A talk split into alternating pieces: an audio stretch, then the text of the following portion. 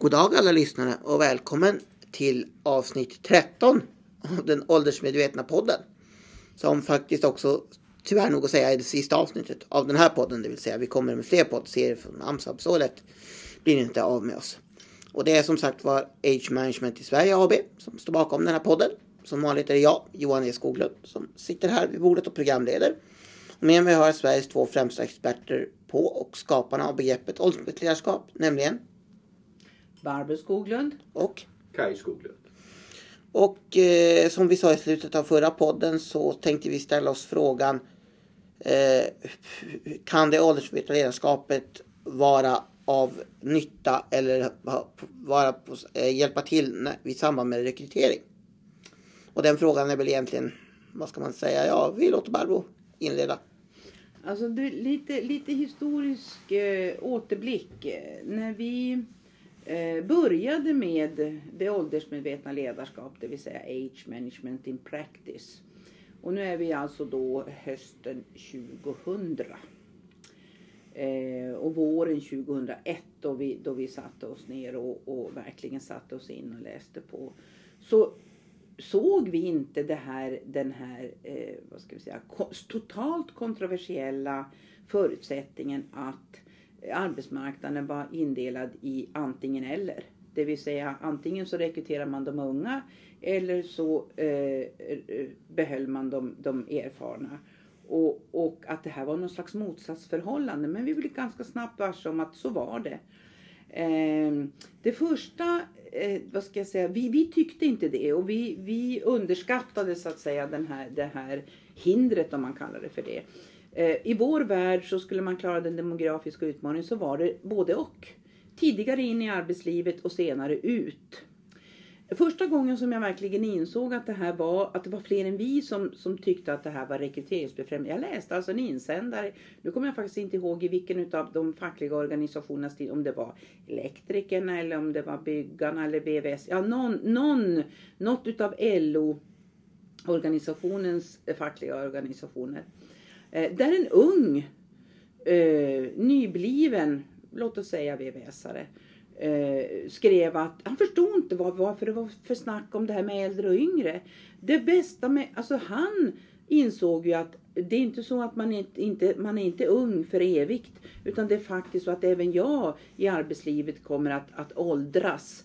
Och det är klart att det är man, det som är bra för, för en erfaren eh, Eh, äldre medarbetare måste vara bra för mig också. För det måste vara förödande att arbeta hos en arbetsgivare som bara tittar på 20 till 25-åringarnas eh, perspektiv. Om det nu är ett speciellt perspektiv. Och det var så glädjande att, att se den här faktiskt eh, kloka och förutseende eh, unga personen som, som insåg att det var faktiskt rekryteringsbefrämjande. Eh, en faktor till som, som jag kan säga, ni vet alla dessa ehm, eh, kommunikationsbyråer som gör de här fantastiska annonserna för att eh, vi ska bli den absolut bästa arbetsgivaren och den mest attraktiva arbetsgivaren. Och man missar så att säga den, den viktigaste reklampelaren, den viktigaste marknadsföringsföraren. nämligen den egna medarbetaren. Det finns ingenting som är så effektivt att sätta en negativ stämpel på en arbetsgivare att de som redan jobbar där tycker att det är skrutt. Och det finns ingenting som är så effektivt åt det andra hållet att de som redan jobbar där tycker att det är en kanonarbetsplats. Det är en superbra arbetsgivare att vara där. Och det räcker inte med att uppmana till värdegrundssnack eh, på hemsidan om att vi ska, vi ska prata bra om vår, om vår arbetsplats. Man måste göra verkstad utav det.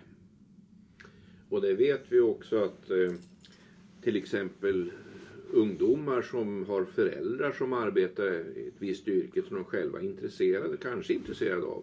Till exempel i vården. Om då mamman eller pappan säger du vet att eh, jobba i den här branschen eller åt den här arbetsgivaren, det, det avråder jag för. Det, är- det är ju den absolut sämsta eh, rekryteringsgrund man kan få. Eh, så, så, så är det ju. Sen funderar jag ju lite grann på, på de förändringar som sker i arbetslivet nu. Alltså det är ju, vi är ju inne nu i en stor pension, eh, stora pensionsavgångar. Bland annat är det ju många erfarna chefer som går i pension. och ersätts av, eh, betydligt yngre eh, nya chefer. Och där har vi ju pratat om och myntat uttrycket lära yngre leda äldre. För det är ju väldigt viktigt att de här yngre personerna har kunskap om det vi har pratat om nu i ett antal poddar. Hur, hur kronologisk ålder kan och helt individualiserat kan påverka arbetsförmågan. Både stärka den och i vissa sammanhang försvaga den. Och framförallt hur man ska hantera det här på ett framgångsrikt sätt så att de erfarna medarbetarna eh, både kan och vill, kvar, vill vara kvar längre i arbetslivet. För det är klart att om yngre medarbetare ser att eh, när, när arbetsgivaren tycker att en person börjar bli äldre och kanske har fördomar om att man då automatiskt är mindre produktiv. Då ser man ju att jaha, eh, när, jag, när jag själv blir lite äldre då kommer jag också kastas på sophögen. Och det är ju inte heller någonting som är direkt rekryteringsfrämmande. Så att ja, det åldersmedvetna ledarskapet är en rekryteringsbefrämjande eh, aktivitet. Mm. Eller ett sätt att förhålla sig till medarbetare. Eh, och jag hoppas att vi efter nu det trettonde podden det här har, har eh, gjort klart att kronologisk ålder är inte ett bra mått på arbetsförmåga. Utan man måste titta på individens olika förutsättningar. Det jag vill lyfta fram som vi kanske, alltså än en gång eh, påminna om att det här med åldersmedvetenhet, det är inte så att man går från en, en kanske ganska att man kan ha en försvagad arbetsförmåga, man kanske, det kanske har hänt någonting och man, man går upp i en, i en eh, topprestation. Men däremot så kan det ju göra skillnaden på att man kan vara kvar i arbetslivet utan att slita ut sig till att faktiskt inte ha möjlighet att delta. Oavsett eh, anledning till att jag ska delta. Ekonomiska eller faktiskt glädjen av att vara sedd och behövd i en sån situation. Sen kan man väl också säga, och då har vi ju en koppling till någonting som är oerhört eh, aktuellt och relevant i dessa tider. Det vill säga att eh, ett eh, framgångsrikt åldersmedvetet ledarskap det lägger ju också grunden för ett hållbart arbetsliv. Vilket vi ju konstaterade egentligen när vi läste på om det här. Och, och, om man nu ska gå också till källorna, det vill säga den finska forskningen som startade nu för 30, nästan 40 år sedan när, man, när demografin fortfarande såg ut som det gjorde. Och man såg behovet utav det här. Eh, det här de, denna vad ska jag säga, vision av att hitta en nyckel till att kunna förlänga arbetslivet utan att slita ut sig. Och det är ju så här att idag när vi, när vi läser eh, artiklar, det har ju hänt en hel del bara de sista senaste månaderna, senaste halvåret kan man säga. Allt fler och fler och den medial bevakning på det här. Så pratar man naturligtvis om de eh, väldigt väl presterande. Men det, det, är så att ja, men det, det, är så många som är utslitna. Ja, precis. Och då har man fortfarande en tro på att ja, det, det, är, det går inte att göra någonting åt det.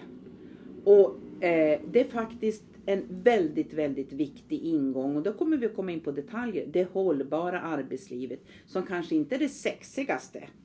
Eh, men det är faktiskt en oerhört viktig faktor för att eh, vi ska kunna klara av vår demografiska utmaning oavsett varifrån vi kommer och på vilket sätt det är. Men, men innehållet i arbetslivet och hur det organiseras är en grundläggande framgångsfaktor. Det låter som eh, tänkvärda ord att um, avsluta denna poddserie med. Och ni har ju redan pratat och nämnt begreppet hållbart arbetsliv. Och det är ju så att vår nästa poddserie, för nu när den åldersmedvetna podden är död, lever podden. Podden är död, lever podden. För att citera det gamla kungacitatet. Fast det lever ju vidare Så är det så att den lever vidare på nätet och den kommer även att uppstå ur askan likt fågel Fenix. Och då kommer den att uppstå som, eh, har vi väl sagt, eller vi har tänkt oss i alla fall, att det ska bli en podden om ett hållbart arbetsliv. Där vi på ett lite bredare sätt ska kunna eh, diskutera frågor som vi här på Age Management Sverige AB tycker är viktiga vad gäller eh, arbetsmiljö och arbetslivets utveckling. Och inte bara fokusera på det åldersmedvetna ledarskapet. Självklart kommer det att komma in i den podden också. Det kan vi inte hålla oss ifrån. Men vi ska kunna prata om annat också där tänkte vi. Så eh, med det sagt så ber vi att få tacka för den här poddserien och vi som tackar är Barbro Skoglund. Och Kaj Skoglund. Och Johan E Skoglund. Tack och hej! Tack och hej.